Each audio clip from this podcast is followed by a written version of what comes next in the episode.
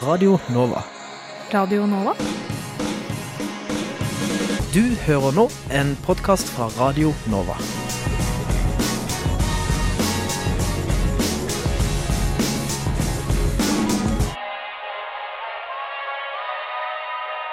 Velkommen til denne ukens Studentnyhetene. Mitt navn er Håkon Christoffersen, og med meg i studio har jeg Elise Kubra. Og dette er eh, noe av temaene for, dagen, for ukens sending. Er menn de nye taperne i samfunnet? Vi har vært på lanseringen av Speilvendt for å finne ut mer. Skaper fadderuka ensomhet? Vi diskuterte dette i onsdagens Emneknaggen. Vi skal få høre om firerkravet til lærerutdanningen. Og vi får besøk av folka bak kampanjen Verdens beste nyheter. Og som vanlig får vi besøk av studentpolitikerne. Men først skal vi få ukas nyhetsoppdatering.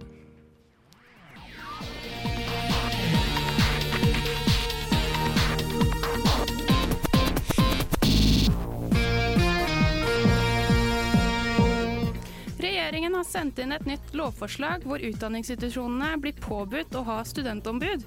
Under metoo-kampanjen tidligere i år dukket opp flere historier om seksuell trakassering også innenfor akademia, og har aktualisert et behov for tiltak også hos høyere utdanning. Forsknings- og høyere utdanningsminister Iselin Nybø sier til NRK onsdag at regjeringen ønsker med dette lovforslaget å synliggjøre institusjonenes ansvar. Har du enda ikke tatt HPV-vaksinen? Da bør du løpe til legen snarest, sier NRK onsdag.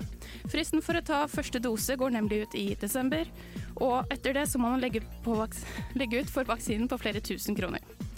Siden høsten 2016 har vaksinen som beskytter kvinner mot livmorshalskreft vært gratis for jenter født til 1991. Fremdeles så står 100 000 unge kvinner uvaksinerte. Vaksinen blir i tre doser, og for å rekke å ta siste dose før 1.7.2019 anbefales alle som vil å ta første dose før nyttår. Kun ni av politibetjentene som ble ferdig utdannet i 2018, fikk jobb etter studiene. Mange ut, nyutdannede må sende opp, til, oppimot 200 søknader før de får fast jobb. Politiet øh, ved Knut Morten Johansen, statssekretær i Justisdepartementet, påpeker at den lave ansettelsen fra politiet sin side er både økonomisk, men også pga. den nye politireformen. Det var ukas nyhetsoppdatering. Mitt navn er Elise Gibrø. Ja, der hørte dere Nick Dorian med Palisades. Ja, og nå skal vi utforske en verden av vinnere og tapere. For i den ferskeste utgaven til Speilvendt er det nettopp dette det handler om. Ja, og spesielt så skal vi få høre om hvorfor dette går utover mennene i samfunnet.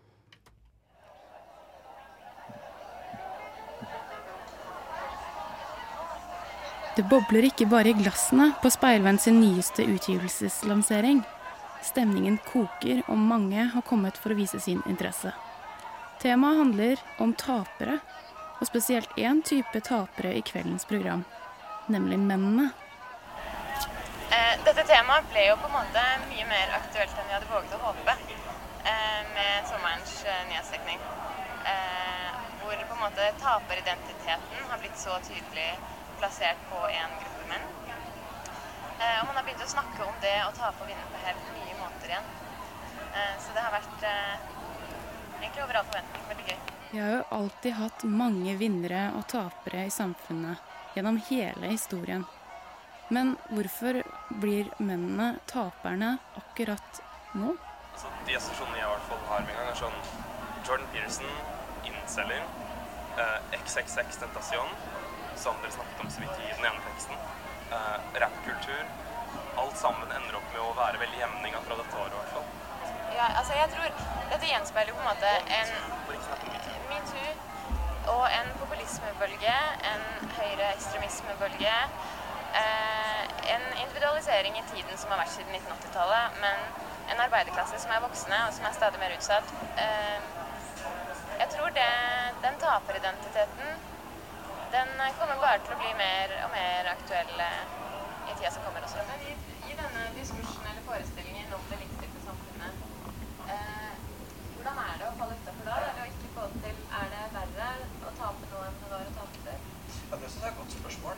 For det, man skulle jo tro på en måte blir mindre stigmatiserende når det blir flere og når det blir snakk om og sånn, men jeg er ikke sikker. altså.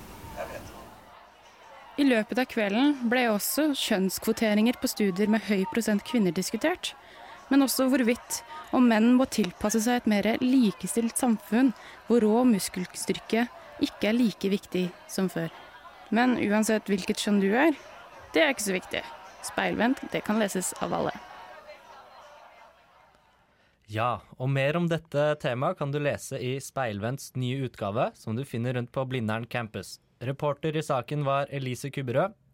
Og nå skal vi høre Tentendo med 'Dance With Me'. I programmet Emneknaggen, som gikk på onsdag, satte redaksjonen seg ned og snakket om studiestart og fadderuke.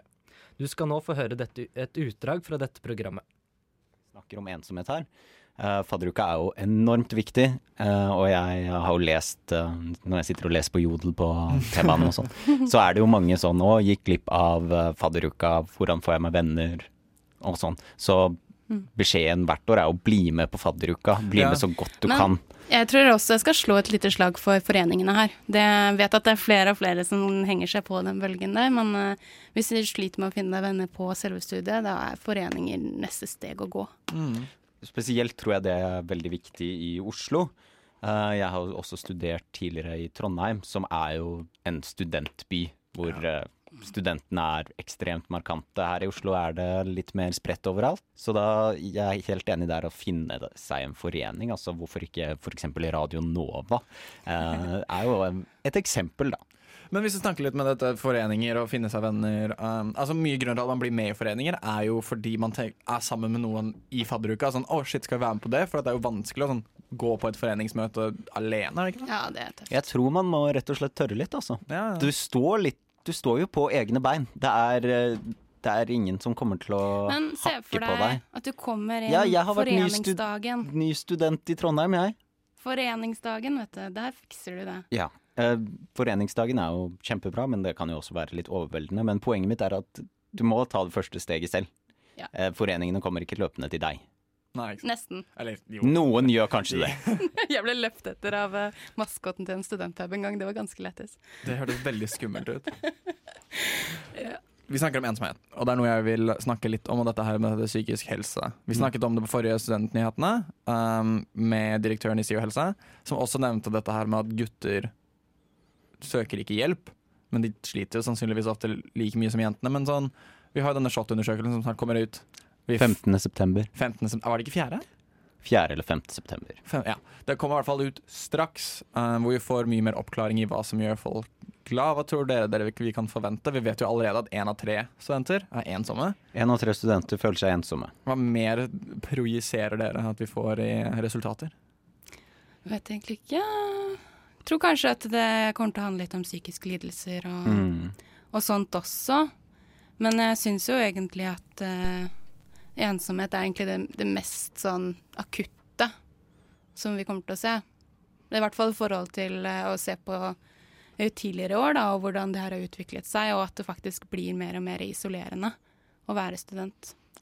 Ja, vi får håpe på hva skal man si, gode resultater, men det er jo vanskelig å si. Det er jo en stor undersøkelse som spenner veldig bredt. Mm. Så vi får resultater på mange forskjellige ting. Det er jo ikke bare ensomhet og psykisk helse.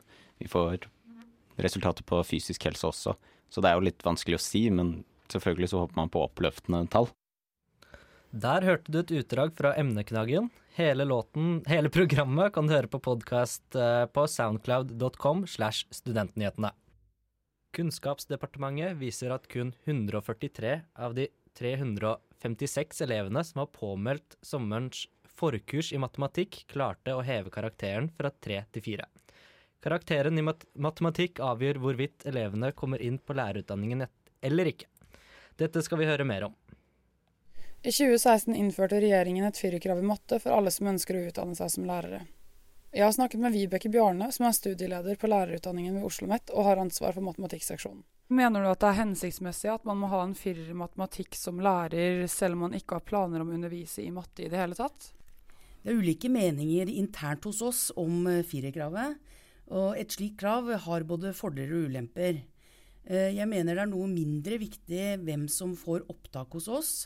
Eh, det viktigste er hva eh, de vi uteksaminerer kan. Altså hvem som blir lærere, og hvem som ikke blir det. SSB har jo anslått at innen 2025 så vil det være en lærermangel på ca. 38 000. Tror du at færre vil satse på lærerutdanninga? Nasjonalt så kan det se sånn ut, eh, men jeg er mer usikker på om det vil ramme oss lokalt på Oslo OsloMet. Vi har opprettholdt og delvis styrka rekrutteringa de siste årene. Eh, men ser vi på et nasjonalt perspektiv, så kommer det for få. Slik at det står mange studieplasser rundt omkring om i Lærerutdannings-Norge. da.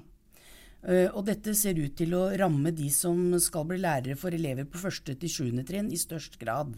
Hva med mer fokus på matematikken på videregående? Tror du det vil ha noe å si for firerkravet? Jeg drøfta dette litt med en av matematikklærerne hos oss. Eh, og det er kanskje ikke snakk om mer fokus, men kanskje et annet fokus.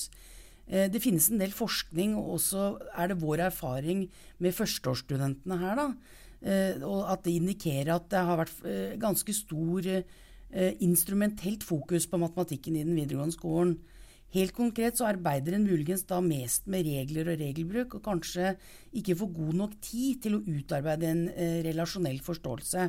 Var det mange som slet med matematikken på forkurset, men som består da etter endt kurs? Det er viktig å huske at alle de som kommer på kurs, minst eh, har en treer i matematikk. De har et snitt på mellom 3 og 3,99. Det jeg kan si, er at matematikklæreren hos oss opplevde at de studentene som kom til kursstart i år, kom mer forberedt enn tidligere år. Det resulterte i at de brukte mye mindre tid på den helt grunnleggende matematikken.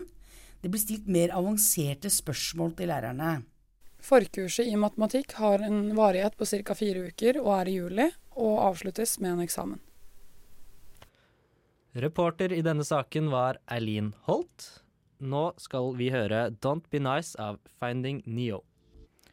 Nå skal vi få høre om kampanjen Verdens beste nyheter. I samarbeid med bl.a. Spire og SAIH og Changemaker lager de én avis i året med gode nyheter om internasjonal utvikling. I studio har vi med oss Maria Magnusdottir. Hei. Og talsperson for kampanjen Beate Ødegaard.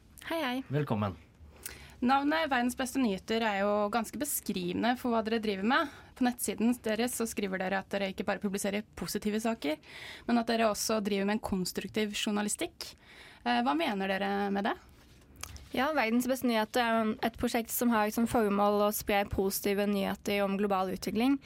Og vår metode for å kunne dekke disse nyhetene er å bruke konstruktiv journalistikk.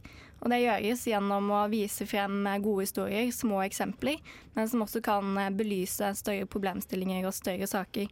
Så hvis man har et eksempel fra et eh, lokalt samfunn, så kan det også, som har fått eh, f.eks. en eh, buss som går på fornybar energi, så kan det være et eksempel på, som kan vise problemstillinger som gjelder hele landet, og at man ønsker å gå i en retning av å få flere fornybare kilder til transport, som et eksempel. Men eh, Verdens beste nyheter ønsker å belyse de gode og positive nyhetene, men ønsker også å være kritisk til det man sier. Mm. Og man ønsker at man skal få et mer nyansert verdensbilde. Ja. Mm. Uh, I en pressemelding så skriver dere at uh, undersøkelser viser at nordmenn svarer mye feil på spørsmål angående verdens utvikling, om f.eks. skolegang. Hva gjør dere for å informere folk om utvikling? Ja, Det er jo gjennom dette prosjektet, Verdens beste nyheter, som drives i samarbeid av våre organisasjoner. Og det er å kunne aktivt informere om alle de positive og gode nyhetene som skjer. Dessverre så baserer mange seg på antagelser istedenfor fakta og statistikk. Men hvorfor er det dere mener at uh, dette ikke skjer i de mediene til vanlig?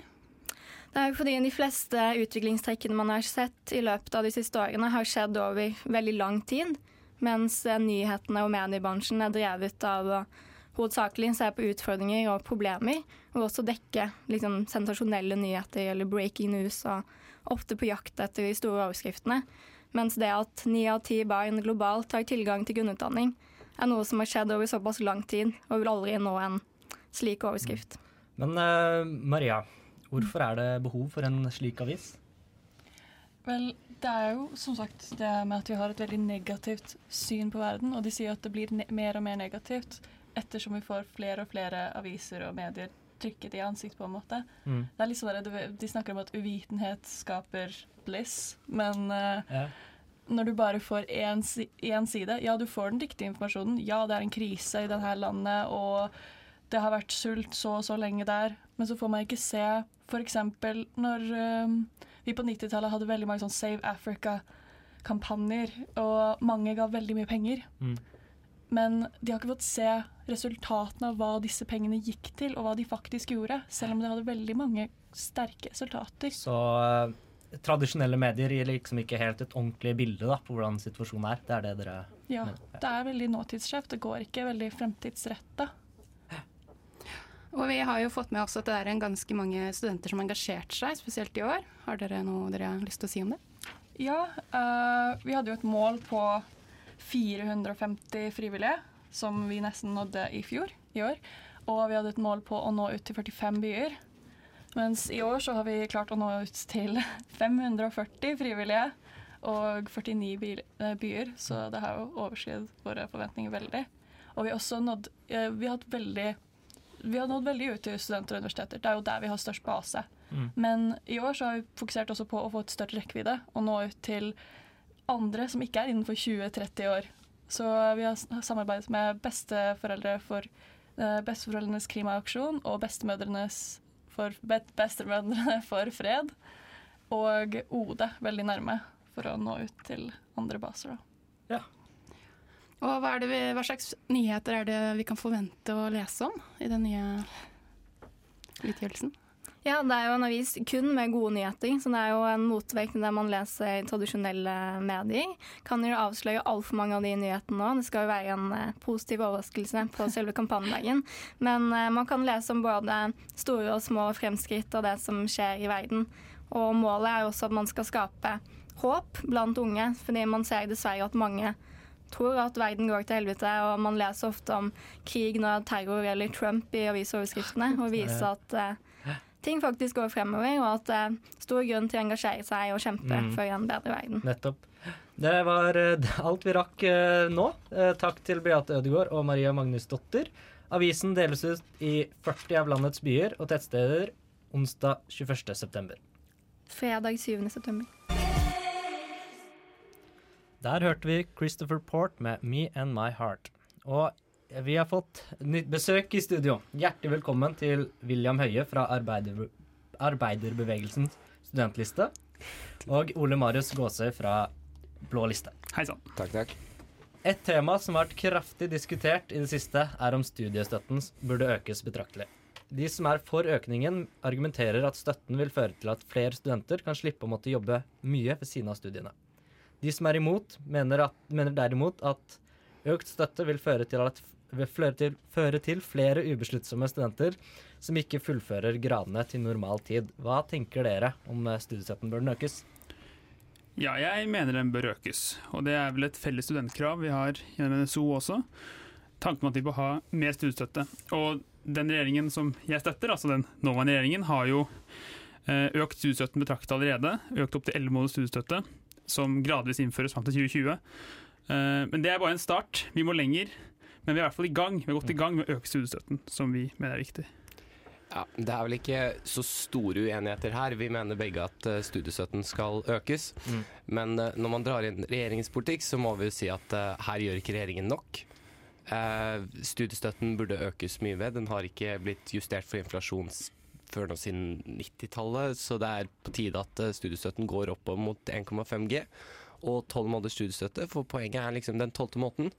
Du må fortsatt betale husleie. Hvis du ikke har de pengene, så blir det litt vrient. Mener dere at det skal være noen sånn kriterier til eh, disse utbetalingene? I første omgang ikke, eh, men det er jo en diskusjon i, hos oss, i hvert fall hos Høyre studenter, om vi burde ha et stipend, om det burde lønne seg å fullføre på normert tid. Og det er også noe jeg støtter. Altså En differensiert studiestøtte vil jeg kunne støtte uh, i visse sammenhenger, så lenge det ikke går utover det at man faktisk kan leve som student uansett. I arbeiderbevegelsen så har det alltid vært viktig for oss at vi skal ha universalistiske velferdsgoder, altså at de skal være tilgjengelige for alle, uh, uavhengig av bakgrunn, uh, rase, alt mulig. Men eh, det med å ha større stipend når du fullfører på normert tid og den typen ting, det er ikke fremmed, men det hovedsakelig viktige er at denne støtten her skal ligge her, sånn at alle kan studere, uansett hva. Og det skal ikke være sånn at eh, fordi du dummer deg ut eller driter deg ut en eller annen gang, så skal du miste støtten og miste muligheten til å studere. Mm. Men Håkon Riekeles, samfunnsøkonom i Civita, skriver et innlegg i Aftenposten at forslaget Om å øke studiestøtten er et forslag om å få resten av samfunnet til å finansiere evig ubesluttsomme studenter. Trenger studentene et spark i baken så de fullfører til vanlig tid? Vi står på vårt at vi ønsker å øke studiestøtten. Ehm, så eh, første gang tenker jeg det, men jeg er veldig glad i insentiver. Og det skal lønne seg å studere. Det, fins jo der, altså, det finnes studenter som går år etter år etter år etter Blindern og aldri kommer og fullfører en grad, og det er et Mm. problem. Eh, økonomiske insentiver fungerer resten, i resten av samfunnet. Fungerer kanskje også i høyere utdannelse. Eh, her tror vi på gulrot heller enn pisk. Eh, og så tror jeg at den andelen, av stu ja, den andelen som går igjen og igjen og er disse ubesluttsomme studentene, som denne Civita-økonomen tror er det store problemet, det tror jeg er en veldig liten andel av studentene. Jeg tror de fleste studentene studerer fordi de vil ut og finne drømmejobben, Mm. ut i arbeidslivet og videre i livet. Så jeg tror ikke det er det som kommer til å ta knekken på velferdsstaten, er ubesluttsomme studenter. Men det er jo urovekkende mange som fullfører på, ikke fullfører, fullfører på mer tid. Det er et Mm. stort problem. Så han tar jo tak i et problem som faktisk er der. Vi må jo diskutere løsninger her. Og det er kanskje én løsning for han, er å ikke øke studiestøtten. Eh, jeg vil kanskje vurdere det å gi gulrot, da. At det skal lønne seg å fullføre på noe mer tid. Jeg gjør ikke det, altså, så det er ikke jeg som er så flink. Nei. Men det er jo forskjell blant eh, studentene ettersom hvor flinke de er til å tilvenne seg eh, Mm. strukturene på universitetet og på høyskoler. Så det å liksom skulle gi mer eh, stipend da, til de som er flinke på skolen, det vil jo være en forskjellsbehandling. Hva har dere tenkt om det? Det er allerede en forskjellsbehandling at eh, vi gir støtte til høyere utdannelse i det hele tatt. Fordi allerede nå så er det sånn at det er de høyere sosioøkonomiske klassene som faktisk tar høyere utdannelse, og det er arbeidere ellers i landet som betaler for det. Så det er allerede en skeiv fordeling her. Men det får ofte staten tilbake i form av skattepenger i løpet av livet. Så når folk fullfører på mer tid, raskere, kommer raskere i arbeidslivet, så vil det bli mer skattepenger tilbake til staten, og det tjener vi alle på. Så det er, la oss si, det er en ulikhet i begynnelsen av livet som retter seg opp underveis. Ja, vi vil jo si at eh, på den forskningen, du skal ha lov til å feile. Det er et veldig viktig prinsipp i eh, landet generelt. Det samme gjelder i arbeidslivet hvis du blir arbeidsledig, hvis du får sparken. Det samme skal gjelde på studier og i skoler. Du skal ha lov til å feire. Feile. Ikke feire. Du skal ha lov til å feire òg. Feire også. Ja. Men uh, da er det jo kanskje man bør heller se etter andre løsninger da, på hvor man kan hjelpe studenten til å fullføre på normert tid. Kanskje ikke problemet ligger i hvor mye penger de har. Det er, hovedproblemet er nok ikke nødvendigvis hvor mye penger de har. Jeg bare er glad i alle løsninger som kan øke insentivet til å fullføre på normert tid. Allerede er det masse insentiver i det. Altså det er gøy å tjene penger. Det er gøy å bli ferdig med studiene. studiene tror jeg det er mange vil være enige om. Eh, men kanskje ytterligere insentiver kan hjelpe mer. Det, det er et forslag, og jeg syns det er et interessant forslag. Ja, nok om det temaet. Vi skal eh, snakke mer sammen, men først så skal vi høre Inflow med No Fair. Da er vi tilbake, og med meg i studio er fortsatt William Høie fra Arbeiderbevegelsens studentliste og Ole Marius Gåsø fra Blå liste. Og vi kjører på med del to av denne debatten. I begynnelsen av juli ble søkertallet til høyere utdanning offentliggjort, og i år, som i fjor, så er det et bekymringsverdig skjønnhetsskjevhet i flere studieretninger. Som mann så får du to ekstra studiepoeng ved fire studieretninger. Derimot er listen av studierett, eh, studierettpoeng der kvinner får ekstra studiepoeng langt større. Kjønnsskjevhet ved profesjonsstudiet i psykologi på UiO og på UiB er så stor at begge institusjonene har søkt om å kvotere inn menn flere ganger, og søknadene har ikke blitt godkjent av kunst, eh, Kunnskapsdepartementet. Er det et problem at, eh, at kjønnsskjevheten er så stor, eh, Ole Marius? Ja, det er jo et problem. Eh, Det er jo mer ønskelig særlig i eh, profesjonsutdannelser som psykologi, medisin, eh, sykepleie, altså hvor du møter, må møte folk.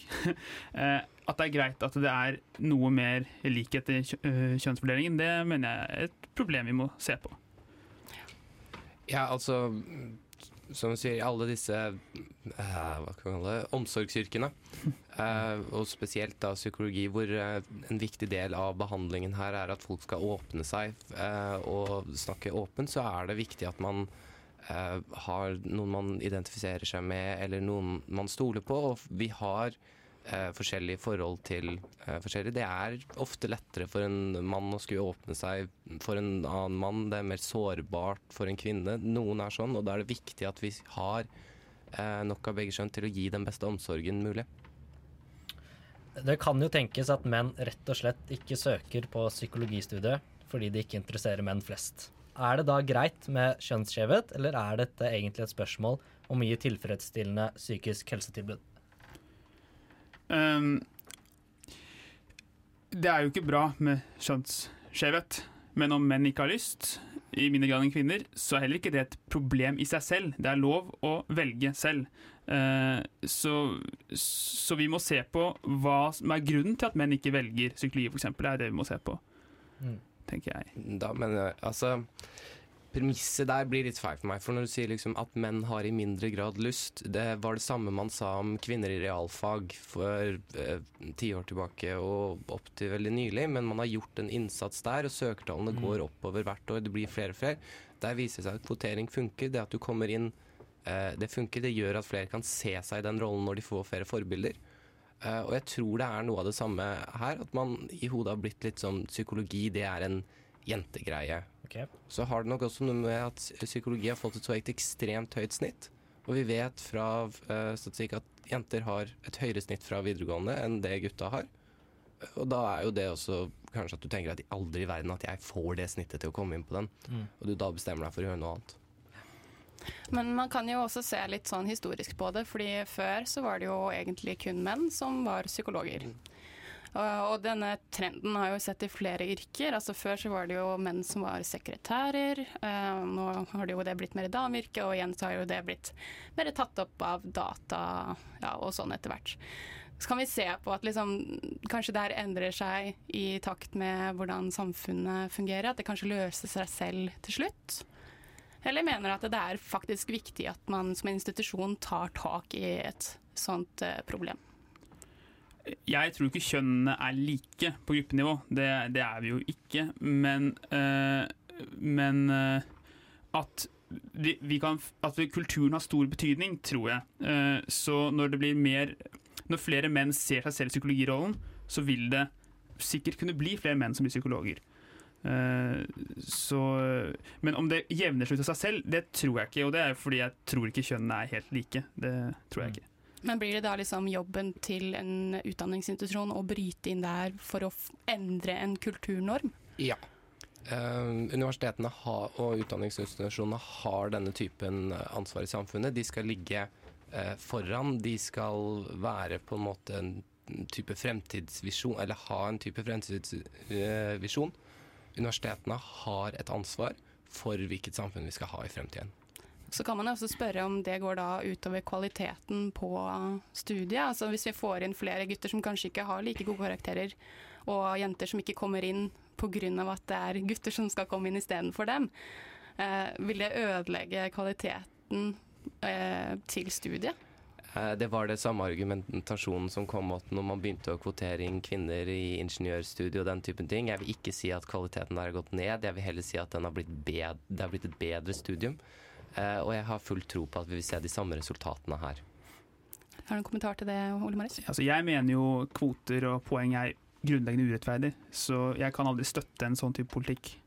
Eh, det bryter mot normen om eh, at det skal være bryter om reglene om at det skal være fri tilgang for alle og det skal være like vilkår. At det skal være meritokratisk og ikke basert på det da mellom beina, mm. som er grunnleggende urettferdig. Så den, da, jeg kan være for tiltak for å, øke, for å jevne ut kjønnsandelen, men vil aldri være for tiltak som vil være urettferdig. For det er der. Det er rett og slett urettferdig å basere det på kjønn. Mm.